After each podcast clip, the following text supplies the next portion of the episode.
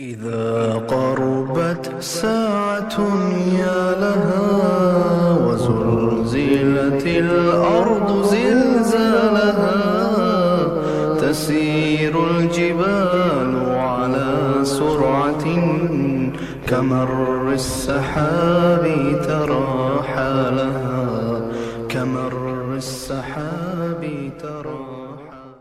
Alhamdulillahi rabbil alamin wa salatu wa salamu ala rasulillah.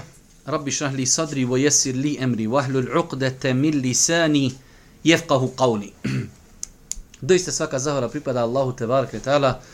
Salavat mir i selam na Allahu poslanika Allahu minika Muhammeda alihi salatu wa salam i ga učasnu porod ashabe i sve ljude koji slijede put istine do sudnjega dana.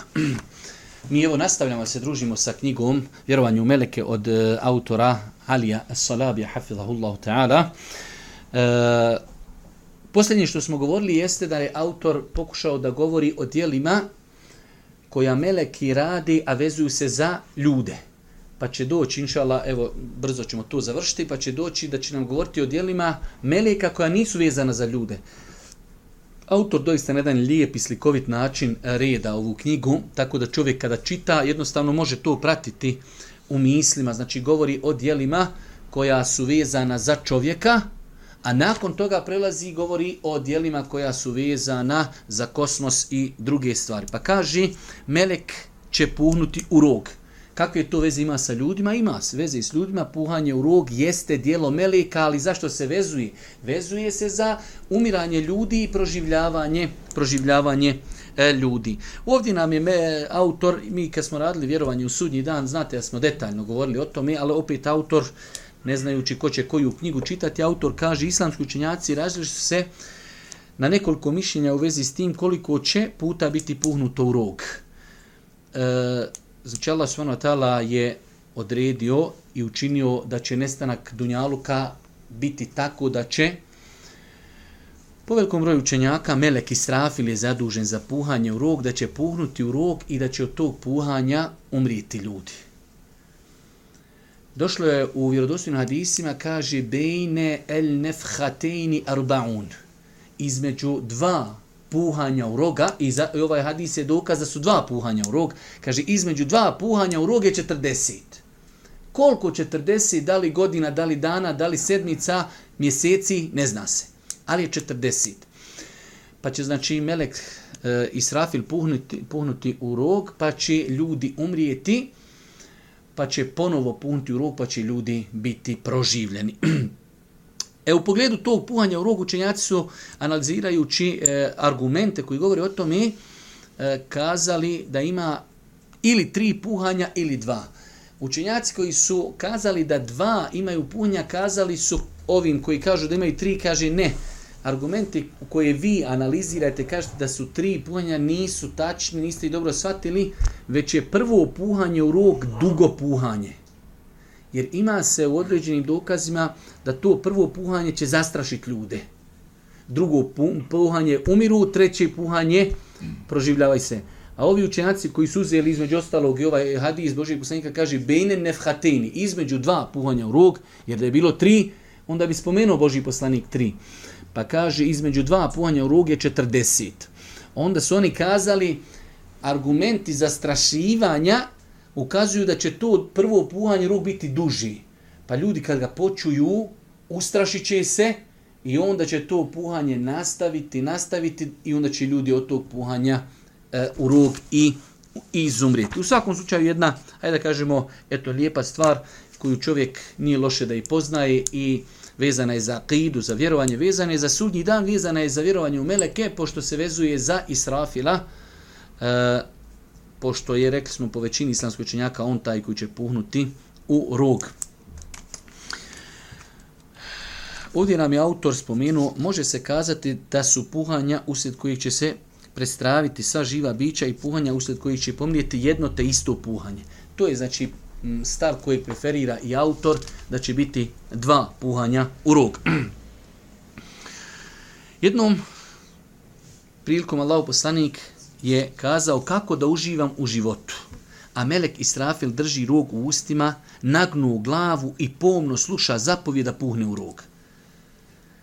Znači, pogledajte Allahu poslanika kako je razmišljao široko.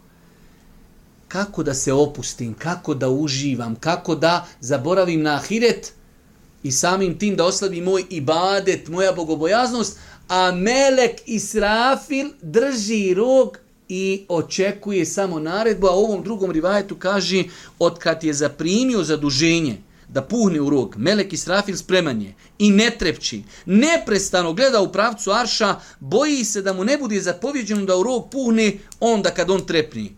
Od netrepanja oči su mu kao dvije zvijezde sjajne. Znači, Melek Israfil od momenta kad je saznao da je on taj koji će puhnuti, on gleda u pravcu Arša i čeka naredbu. Čak do te mjere je ne znači on gleda samo jer boji se da onog momenta kad on trepne da tada dobije naredbu, pa će kasniti sa puhanjem rov koliko traje treptaj oka. Pa smo rekli da, da e, mi kroz ovu knjigu neprestano pokušavamo uh, forsirati i povezivati sve ta, sva ta dešavanja s našim životom. Uh, evo, juče sam baš imao odgovor na jedno pitanje u emisiji koja će se emitovati inšala sutra. Čovjek kaže da li je dozvoljeno kazati da je sudnji dan blizu. Jer kao ljudi ono, po internetu, to je tam počela pustinja, zelenite, eufrat, vako, onako, kao, ma jes dozvoljeno, te kako dozvoljeno? Mnogi hadisi ukazuju da je sudnji dan blizu. E šta to znači blizu? Može biti 150 godina blizu u odnosu na period čovječanstva od Adema, ali selam 150 godina nije mnogo. Jer poslanik ali selam kaže, ja i sudnji dan smo poslani ovako blizu, veoma blizu. Pa i ovi momenti e, u datom momentu e, čovjeka jačaju, e, ukazuju sve to blizu. Israfil čeka da puhne u rog. Poslanik kaže kako da uživam. Zamislite sad neko, ne daj Bože, on kaže, vidi, evo, osuđen si sutra smrtna kazna. E, ti e, ode sad da uživam. Ma ni tebi do uživanja, brat, ti još imaš 24 sata, te, tebi šta god da ti nosi ne možeš uživati, ti, ti znaš kad ćeš umrijet. Ej, poslanik Ali Isran, kako da uživam, a Israfil spreman, čeka samo da, čeka samo da puhne i ove stvari čovjeka jačaju. Kada mu dođe futur, kada mu dođe slabost, pa teško učit Kur'an, teško u džema, teško namaz, teško ostaviti neki haram, prođeš pored kladionce, a ona otuda ko neki magnet, ko velak jedno šest metara, zove, čoveče, ti se okrećeš, on tegli, Allah, ekver, gledaš, poslije imaš kakvi želje za šta te to vozi. E, tada se sjetiš i srafila, sjetiš se puhanja u rog, sjetiš se, šta misliš, puhne roga, ti u kladionci tamo za, za, zaokružuješ. I proživete ti u kladionci zaokružuješ. Jer poslanik Ali se ratu selam rekao, čovjek će biti proživljen kako je umro. Proživljen, ka, kako si proživljen u kladionci? Jes dobio? Jesi, dobio kartu za džehennem.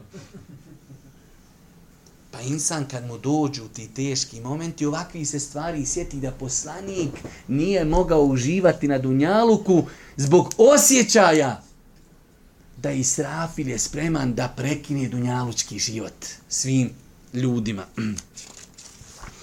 Nakon toga kaže autor na 218. stranici Meleki će se brinuti o stanovnicima dženeta i njihovom uživanju. Znači od stvari koje se vezuju za meleke, njihovi zaduženja, a vezane su za čovjeka, jeste i to što će oni imati zaduženja vezane za vjernike na ahiretu. Između ostalog, znači jedan sastavni dio uživanja će biti implementiran putem melika. Pa kaže uzvišnji Allah subhanahu wa ta'ala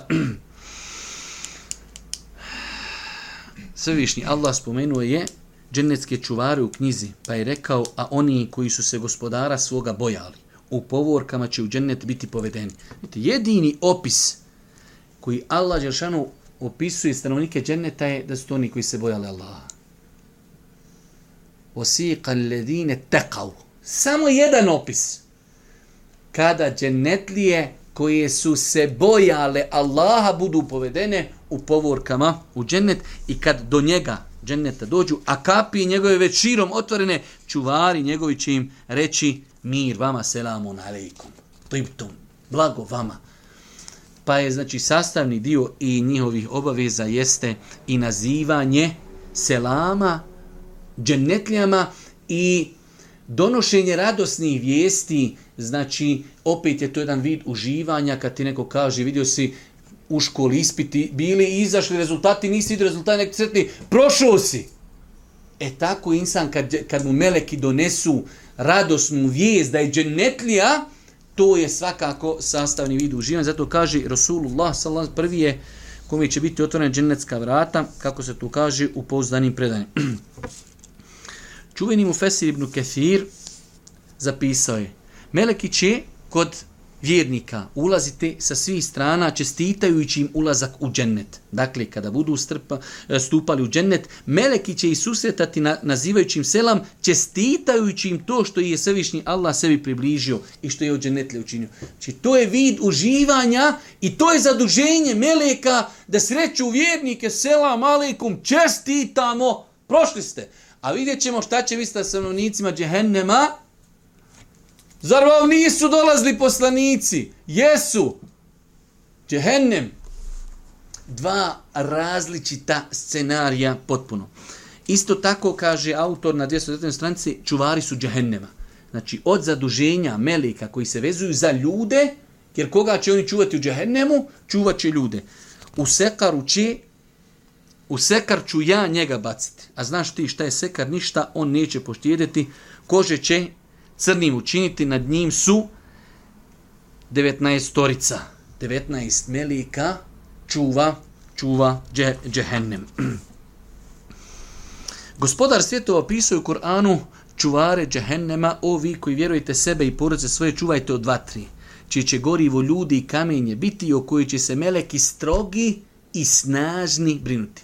Znači, od zaduženja meleka jeste i da će se brinuti o stanovnicima Čehennema kao čuvari. I subhanallah, navode ko komentatori, mufesiri, učenjaci, kad ovdje Allah Žešan kaže strogi i snažni.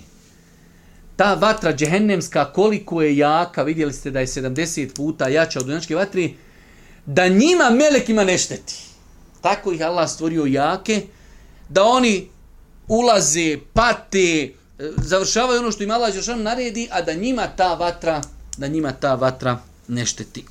Čuvari džehennema vatre dočeka će one koji nisu vjerovali prenijeti im vijest o tome da će biti džehennemlije i grditi e, zbog nepokornosti Allahu subhanahu wa ta'ala. Oni koji nisu vjerovali. E sad malo prije bilo wasiqa alladine taqaw. A ovdje je wasiqa alladine keferu oni koji nisu vjerovali, u gomilama će u džehennem biti natjerani i kad do njega dođu kapi njegove će se potvarati i čuvari njegovi će i pitati, zar vam nisu dolazili poslanici koji su vam ajete gospodara kazivali i opominjali vas da ćete ovaj dan doživjeti? Jesu. Reći će, jes sad, nima sad više petljanja. Zar vam nisu? Oni čude se meleki. Je li moguće da su vam dolazili i govorili i kazivali, ja Allah vam dao razum i vi niste, pa kaže, jesu. A poznato u suri El Mulk kaže, tekadu temejazu min el gajv. Skoro da se odbije sa raspadni. Opis džehennema, toliko bijesan, zato je došlo u onom rivajetu, da kaže džehennem se požalio gospodaru da sam sebe izjeda od žestini. Pa mu je Allah dozvolio dva puta godišnje da odahni. I zato kaj Boži poslanik najveću ljetnu temperaturu koju osjeti, to je zadah džehennema. I najveću zimu, džehennem, kad osjetite, to je zadah džehennema. Jer u džehennemu ima kazna i hladnoćom. La haule wa la kuvate illa billah. Znači imaš kaznu vruće imaš kaznu hladnoćom. I zato je došlo, kaže, najveću studinu koju osjetite, e to je taj zadah džehennemski. I vidjeli ste, subhanallah, Allah opet najbolje zna, ali tačno svake godine, ako čovjek prati, tačno taj dođe jedan period koji traji par dana, nazovu i oni tako te neke, ne znam, nija tropski, ne znam, nija dani, klime, to je neuzubila neizdrživo. I onda jednostavno osjetiš da je to popustilo. Skoro da se odbije sa raspadni. Kad god se koja gomila u njega, u džehenne baci, stražari u njemu će upitati. Zar nije niko dolazio da vas upomini? Sad ovo je malo širi. Ovdje više ne pije, gore pije se on dolazi poslanici, ovdje dolazi sad ovo ide i malo širi. Te kadu temejezu minel gajv, samo što se ne raspadi. Ali kaže, džajkom nevir, zar vam nije došao neko komšija, efendija, daja, neko, knjiga, televizija? Ja ovako gledam, mene počesto ovi, onaj, titini pioniri, vole uzeti na, na, jer oni nisu, nisu oni navikli da neko musliman ima mogućnost da priča. Jer oni, oni samo dovode ko će pričati kako njima paš. I sad odjednom imaš ti muslimana, imaju neke društvene mreže i oni tumači, i oni govori. I sad ti ako bocniš u neke teme koje, eto, oni ne mogu razumijeti, nije to za 21. vijek, pogotovo ako barniš u feminizam, to ti je bolje da održiš sebi glavu. Znači, napravi od tebe kao navodno budalu, uzmu od tebe, kopiraju postove, slike, ali su mala Allahov hikmet i mudrost. Imaš ti ljudi koji nije čuo za islam osim tu. I fina kaže, gdje si čuo? Pokem! Na sudnjem danu! Pozor, nisi vidio onoga na crnoj ronci kad je bio.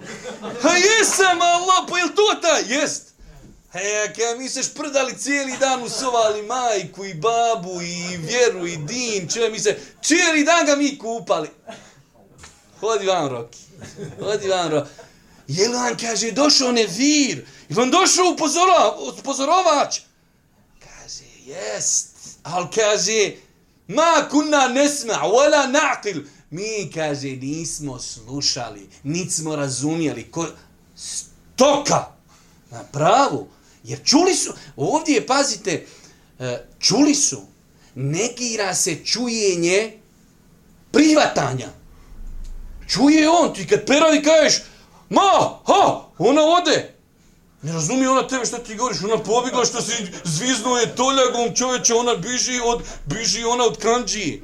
E, ovo mi je on, čuje sam, ha, ha, Pezić rekao da, da žena Bo mora rod troje dici. Allahu ekber, ko će ih hranit, ko će u školu, će penzija, ti nije, ove.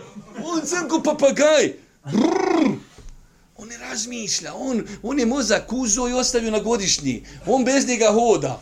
I kad je sa njim tu su neđe u PDK, ali bez njega je definitivno. Pa kaže uzvišeni Allah, zar nije niko dolazio da vas opomini? Ovo je sad malo šira verzija, nisam poslani, ne mereš doći, ja sam živio hilje često godina kod Mohameda Ali, selam, ja nisam ništa znao. Odi vamo. Je li bio internet? Je li bio... A nisam znao bosanski. Imamo mi i švabski. Pir Fogel. Pa nisam znao švabski. Ima engleski. Ima Jusuf i tako dalje. Znači, ne možeš, reći nisi znao. Ne možeš reći nisi znao. Kaže, jest, dolazio nam onaj koji nas je opominjao. Odgovorči, ali smo mi kezebna. Poricali, brate. E, zato je došlo tamo u Kur'anu, kaže, لو كان خيرا ما سبقونا اليه. Pogledaj ti, ti, pogledaj ti pokvarnosti, ovaj na 16. Nije na kvadrat kaže, eh, da je to bio hajr, ne bi oni nas pretekli u tome. To ti je, Kur'an kaže tako.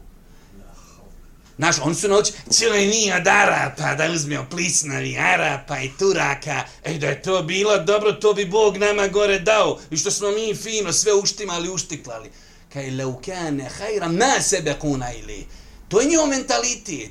E, da nas neko nećemo pretekni da je to bilo dobro, to bi bilo ovdje kod nas, čuj dole u pustinji, dole kod onih beduina, da mi sad neku vjeru, on dole kod nekog crnog kamenja kruži, hodaju, gađaju kamenčićima šeitane, da sad mi to nešto, nećemo mi to. Da je, kaže, bio hajr, ne bi to nas, ne bi to nas mašilo ja šta je to hajr, već si ti oslijepio, pa ne vidiš od dalaleta i zabludi. Zato će oni proklinjati ove svoje koji su i odveli u tom pravcu. Kad dođe, kad kaže gospodaru, podupla im porciju. Nismo mi slijedi, oni slijedi, pa njih ubiše njihovi predstavnici. Oni igraju se čarabake, svježu i vodi, pa kanalizaciju, ma upala kanalizaciju, nema veze, sam žmire je bitno, da ne vidiš gdje ideš. E neće to kod gospodara proći. Ne mre to proći kod gospodara. Allah ti je dao razum, mogu si sam naučiti. Pa kaži, ali mi smo poricali i govorili, Allah nije objavio ništa. A ka, kaže, Kur'an, to Muhammed napisali. Haj ti napiši pola stranci, a Kur'an ima 604 stranice. Haj ti pol stranci napiši. Eto, Muhammed u to vrijeme znao astronomiju i znao o zemlji i o planetama i o, o fetusu i o djeci. Sve živo Muhammed. Evo, aj ti danas napiši. Kaže, Allah nije ništa objavio. To je kaj, izmišljeno. Kakve vjere, kakve religije, kakav Bog, čuj Bog polako. Sve će tu doći na svoje. Kaže, a mi smo poricali i govorili, Allah nije objavio ništa i pogledaj što kaže gaj, entum fi dalalinke, i vi ste u dalaletu, bačović. Pogledaj ti, pogledaj ti krkanluka i brđanluka. Ne sluša, poriče, negira, hajde makar pusti mene, pa evo hajde, ja hoću da budem što ja hoću, budi što Ne, ne, vi ste u dalaletu, vi ste, vi, i onda etiketu, vehabija, terorista i samo lijepi. A to se toliko izopačilo društvo, Allah im to zapadno društvo je se toliko izopačilo. Ne, ali sve je to u redu. Znači, Znači, Allah čovjek kad čita statistike, kad čita postupke, kad čita ponašanja, šta radi od, od insana, Ne, ne od musa, od insana šta su oni uradili? Šta su od jadnog ženska uradili? I ne, to je, to je civilizacija. Mislim, neki dan neko im posla onaj video od one ženi, jedna mora platiti 262 eura kaznu, dijete mora doći u haljinici u školu, muško dijete. Kao šta je? E, dijete ne zna skonta šta je. I ono sad ti njega obuci u haljinicu, neko ono u školi odruči šta je.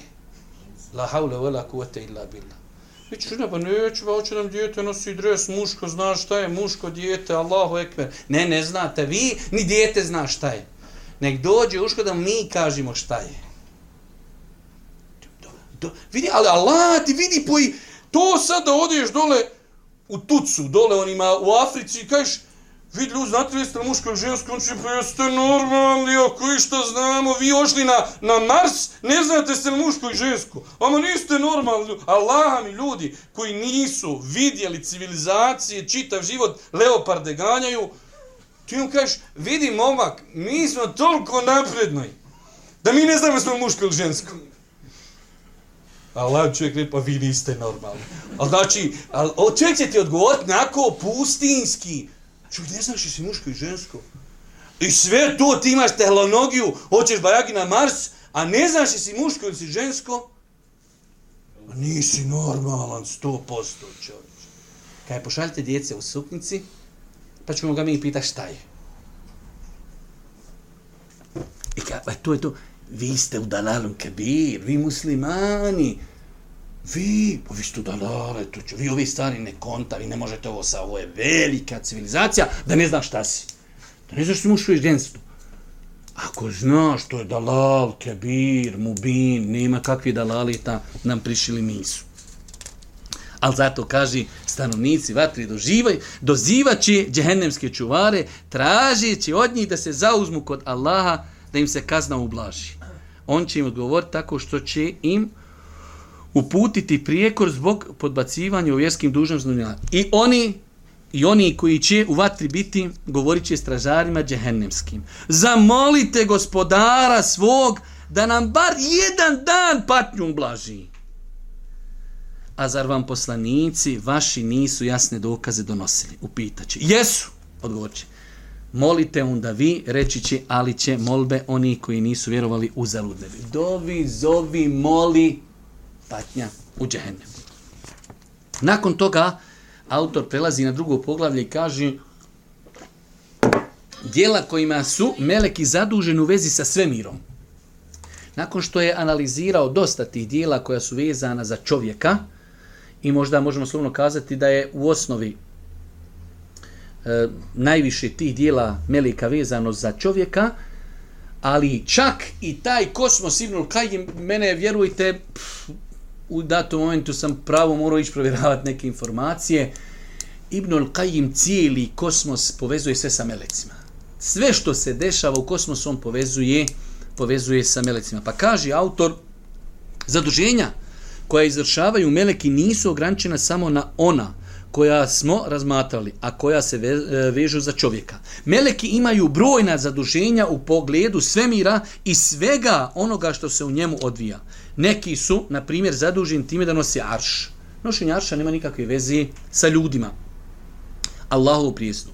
Neki da tjeraju oblake. Znači, opet, oblaci nemaju veze sa čovjekom konkretno. Neki vode bigo u planinama. Sve te dužnosti obavljaju izvršavajući Allahovu odredbu i tako dalje. Naći ćemo vamo još jedan govor malo pa ipak to ne znači da meleki navodno provodi neovisno o Allahu zišnu. Dolazi ovdje sad jedno podpitanje, dobro, zašto je Allah tako učinio da meleki radi te stvari, ako je to Allah mogao i bez njih da uradi? E, pa kaže, ovdje autor naprotiv to Allah radi i on stvara meleke u tom nisu uh, u tome nisu Allahovi saučesnici nego ono što provode i izvršavaju za Allahovo znanje, volju i moć. Meleki sve što rade, rade bi iznillah. Zato kad je došao u Džibrilu, Boži poslanik kaže što nam ne dođeš češći. I želje da se sa njim druži, da se napaja, kaže mi se samo spuštamo kad nam Allah naredi.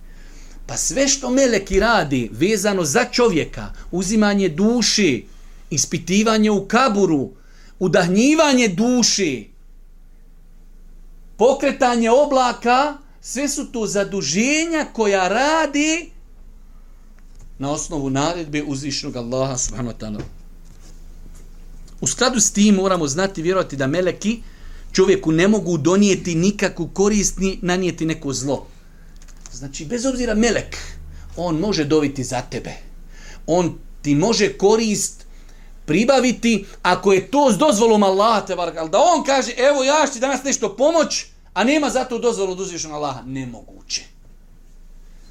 Pa i meleki su Allahova pokorna stvorenja, a vidjet ćemo o tome i autor poslije govorio, kaže, možda će neko insistirati to mi da mu se odgovori na sljedeće pitanje. Zbog čega je Svevišnji Allah melekima E, zbog čega je Svevišnji Allah melekima povjerio važna brojna zaduženja ako je on svemoguć, to jest ako to sam može učiniti.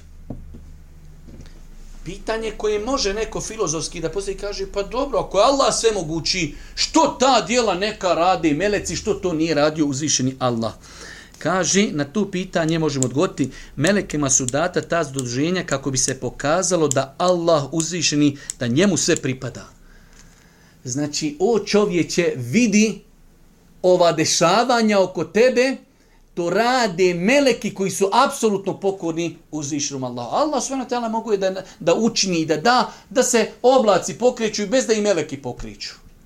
Ali je dao da tako velika stvorenja, baš sam neku noć i, i govorio u tim nekim onaj kontekstima, opet nešto drugo, ali koliko imate eh, velikih meleka, ali bez obzira ta njihova veličina, znači od resice uha do ramena, 700 godina hoda. Ali to veliko stvorenje koje za nas, moramo reći, našim razumom ne dokućemo. Mi vjerujemo Božijem poslaniku, apsolutno. Ali od resice uha do ramena 700 godina, mm, naš razum ograničen to ne može prihvatiti. Ali mi to vjerujemo. Ali to, to veliko stvorenje pokorno Allahu Đelešanu ti pokaži da bez obzira što je veliko i savršeno, pokorno je uzvišenom Allahu subhanahu wa ta'ala.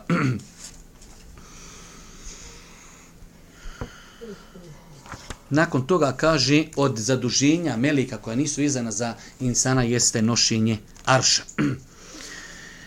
Meliki koji nosi prijestu, arš i oni koji su oko njega slavi i hvali gospodara svog i vjeruju u njega i moli da bude oprošteno e, da budu oprošteni grijesi vjernicima. Gospodar naš, ti sve obuhvataš milošću i znanjem, zato oprosti onima koji su se pokale i koji slijedi tvoj put i sačuvaj patnje u vatri.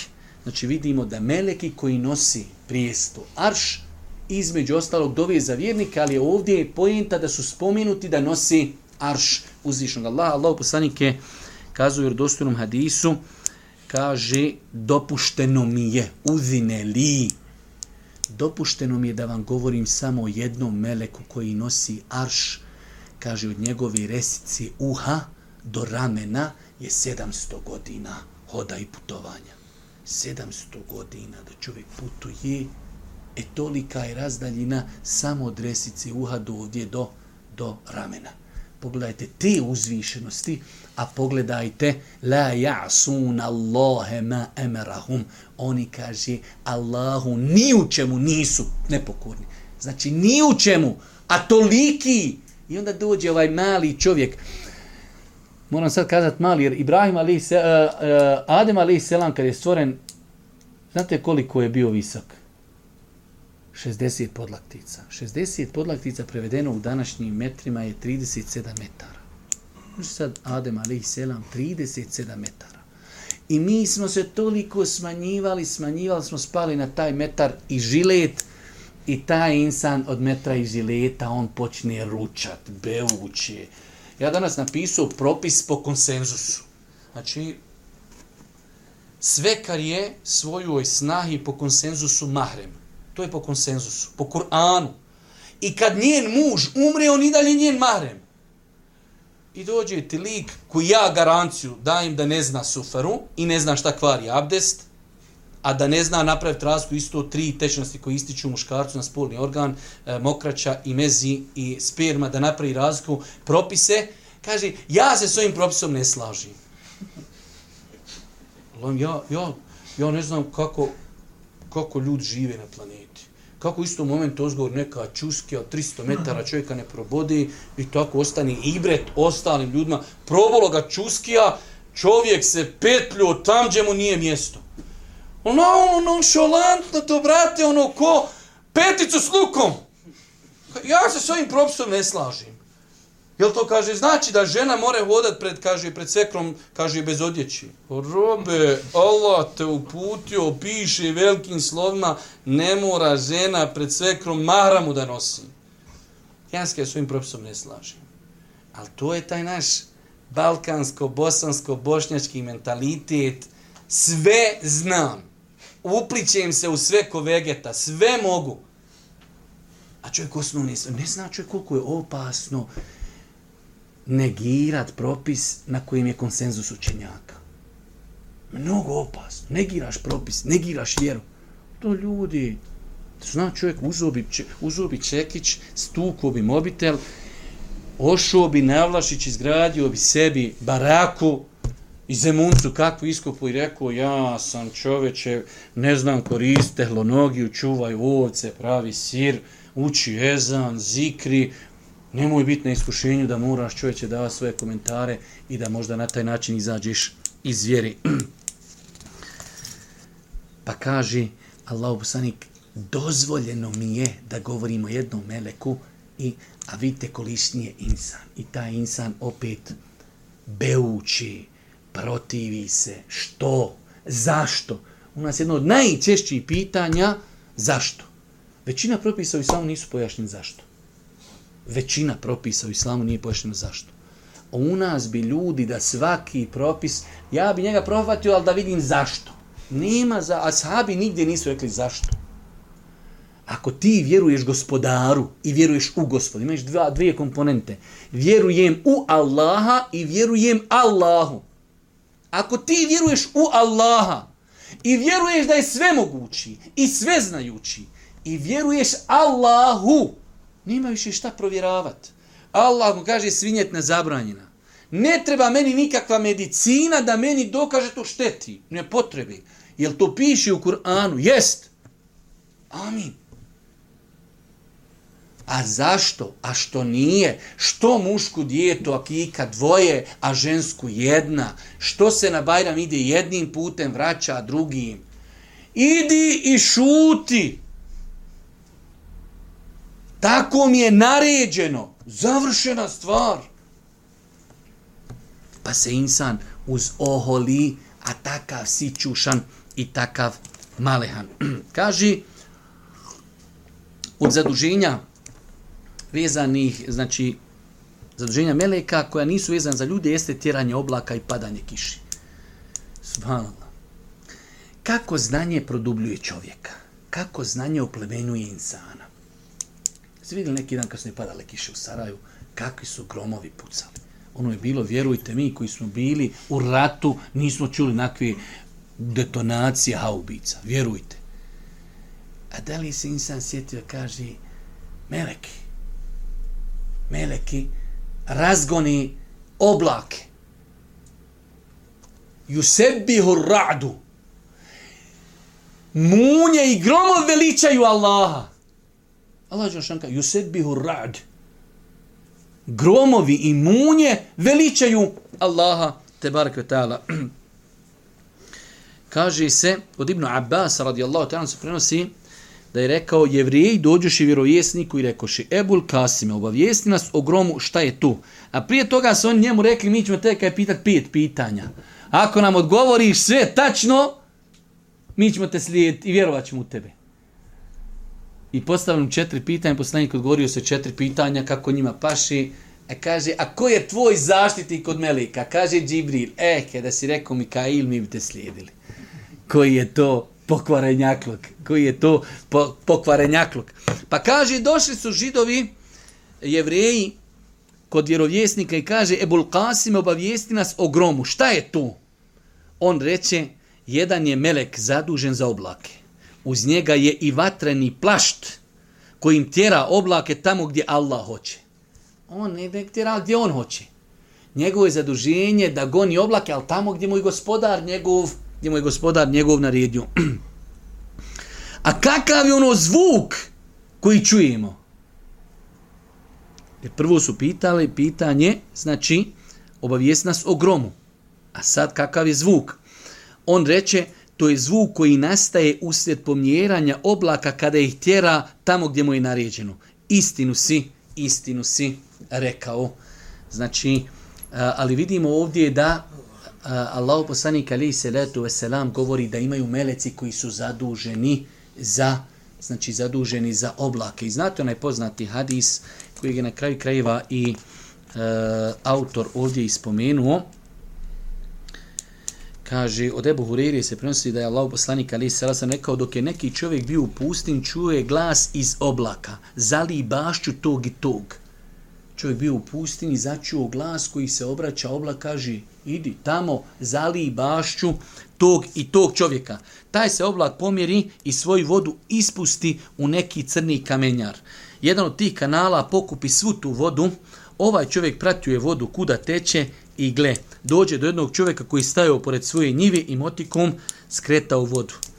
Či oblak je spustio vodu na jedno brdo, ali ta sva voda z brda kroz klanac ide čovjeku u njegovu baštu. Kaže, upitao je ga Allahov robe, kako se zoveš? On odgovori, zovem se tako i tako, navodeći ime koje on čuo iz oblaka. Taj čovjek upitao je ga, Allahov robe, zašto me pitaš o mom imenu? Čudno, čovjek sad odma, kako se zoveš? Tako, A što me kaže, pitaš? Čudno mu bilo. Ovaj odgovorio, ja sam čuo glas iz oblaka iz kojeg je došla ova voda, koji je rekao, zali bašću tog i tog čovjeka, to jest tvoj njivu. Pa šta ti radiš s prihodima i plodovima ove njive? On odgovori, pošto si to već kazao, reći ću ti šta radim. Saberim urod i plodove koji dobijem iz nje, pa trećinu podijelim kao milostinju, drugu trećinu pojedimo ja i moja porodca, a treću trećinu utrošim u sjetvu. Ovaj hadis definitivno nosi velike, velike pouke koliko sadaka može doprinijeti čovjeku u blagoslovu beričetu. Možda, možda tada je taj čovjek to čuo, ali koliko možda drugi situacija ima gdje to čovjek nije niko čuo, a gdje možda meleki zaljevaju bašte i države i njive, nekih ljudi koji su to neki ljudi koji su to zaslužili, ali ono što je, zbog čega je autor spomenuo ovaj hadis, jeste taj govor Meleku, idi, odnosno oblaku, idi i zaliji bašću tog i tog. Govoreći znači, o ovim istim stvarima na 230. stranici, autor kaže vođenje brige o planinama. Znači imamo i meleke koji su zaduženi za planine. Zaduženi za planine. Vi znate, e, onaj poznati hadis da Allah poslanik alaihi salatu wasalam kada je otišao da poziva stanovnike Taifa u islam, pa kada su oni prvo odbili, hajde što su odbili, već su oni omladinu nagovorili da Božih poslanika kamenjem istiraju iz Taifa. Do te mjeri da su ga raskrvarili, da je Božji poslanik skoro pola puta do Mekke prešao, nije, nije osvijestio se. Pa kada je došao sebi takav iskrvavljen i, što bi rekao, i uplašen, Allah je šamu šalje Džibrila i kaže Džibrila alaihi salatu wasalam, evo, pored mene je melek zadužen za brda. To je pojent. Pa ako ćeš, kaže, naredi, on će, kaže, uzijeti dva velika brda i srušit će ih, znači, na nevjernike. Ali pojinta navodi on ovdje hadis zbog toga, pored mene je melek zadužen za brda. Iako su banila ta veličina meleka, mi živimo tu našu planetu, pa onda insan izgubi osjećaj, kad ovako e, sluša Eh, o velikim Allahovim stvorenjima, onda onda se nekad malo insan i preispita. E, doće nam ovdje da su meleki između ostalog eh, i učestvovali kao što su pomagali u bitci muslimanima protiv neprijatelja, meleki su znali učestvovati u uništavanju e, nevjerničkih naroda. Pa se navodi za lutov narod, alaihi salatu wasalam, e, kako Allah Jošan kaže, feđa'ale alijeha safileha. Ono što je, kaže, bilo gore, okrenuto je dole.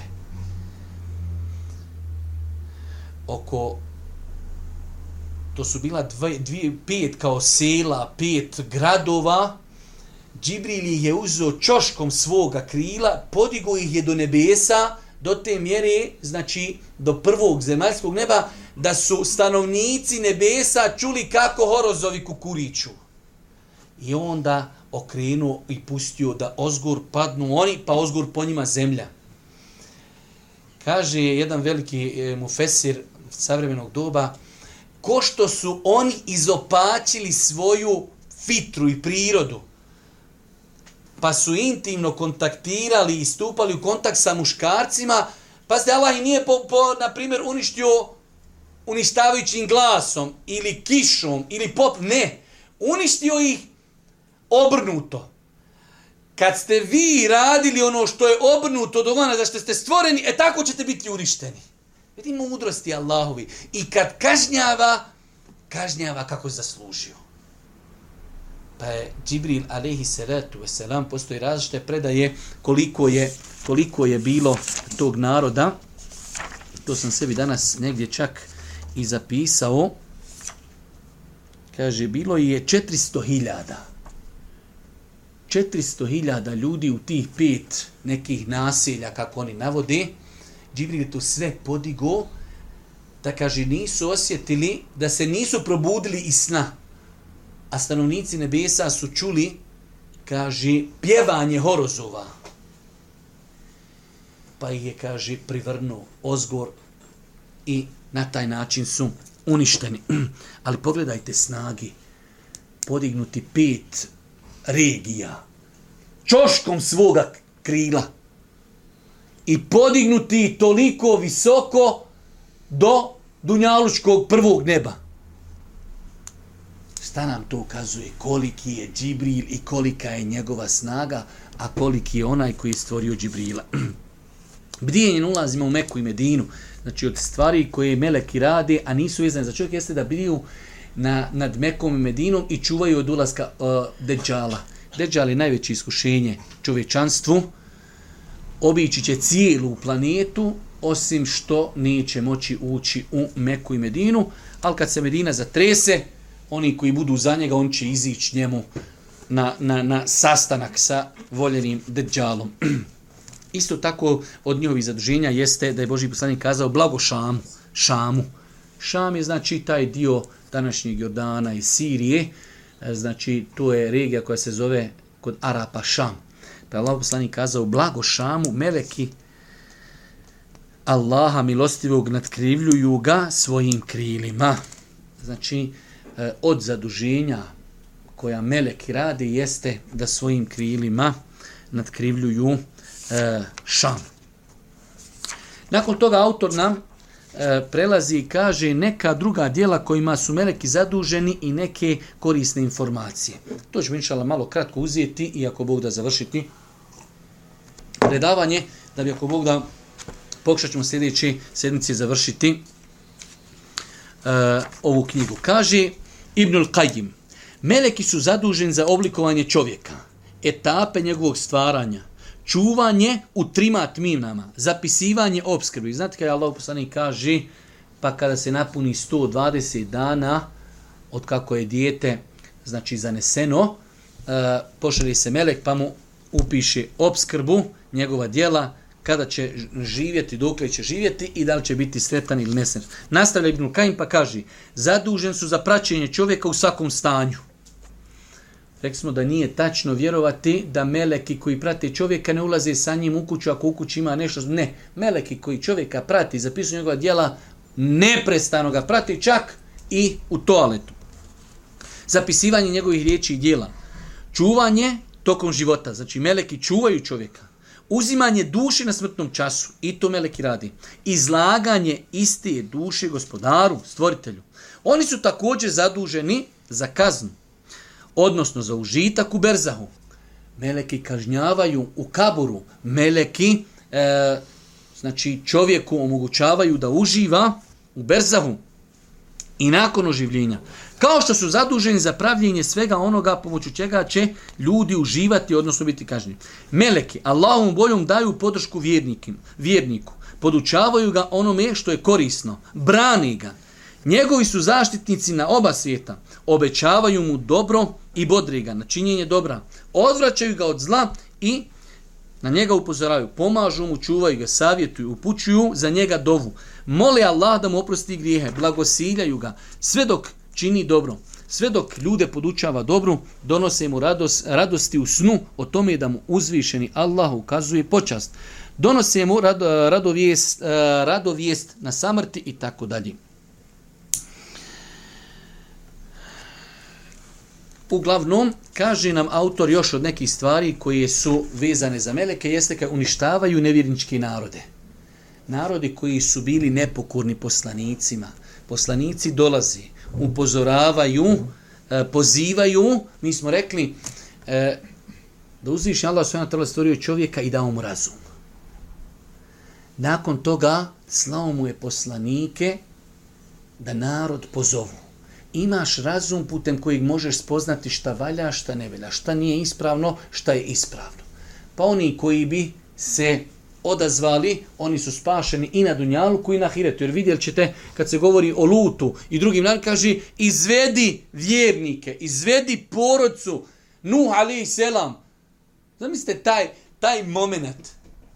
Sad zamislite neko na Igmanu, negdje, nema nigdje vode, ne, čovjek sjedi i pravi lađu vjerujte, nekad su te stvari, samo moraš biti vjernik. Drugačije to, šeitan te kako ću, pravi lađu na suhom.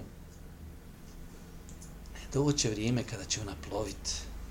Doće vrijeme kada će se u nju spasiti i sklonuti oni koji su vjerovali u Allaha te barak ta'ala.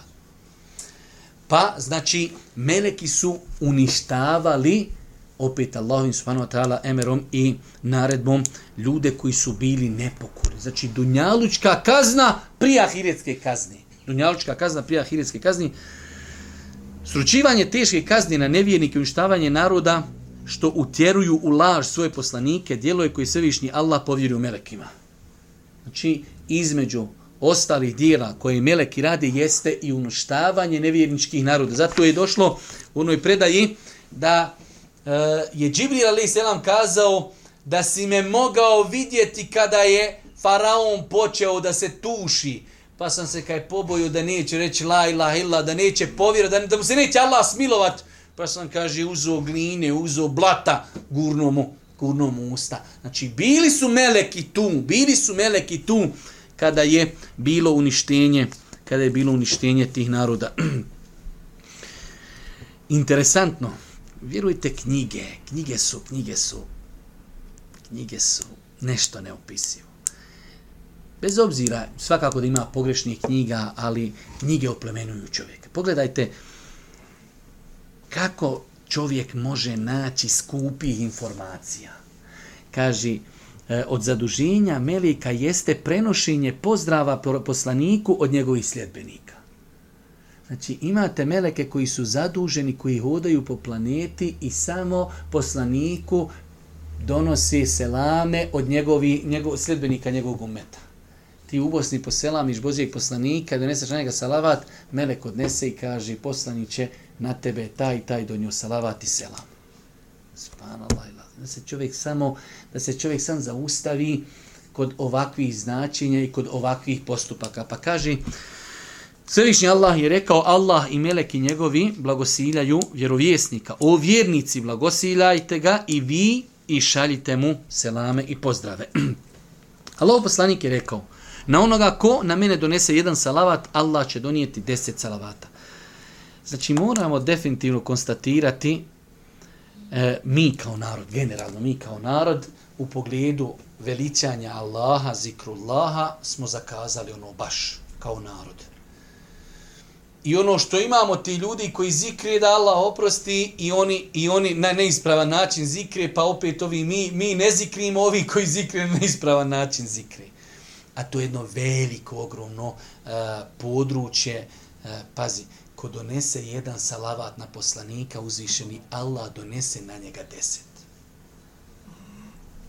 Idole, kad vidite, ja sam slušao pitanja nekih ljudi, čovjek vidiš, pod najim znacima, čovjek s cesti, obični zove nekog e, šeha u Egiptu, dole i kaj šeh, ja kad dnevno donesem deset hiljada puta salavat na poslanika. I on njemu to rekne, kakav je to moje ispravno?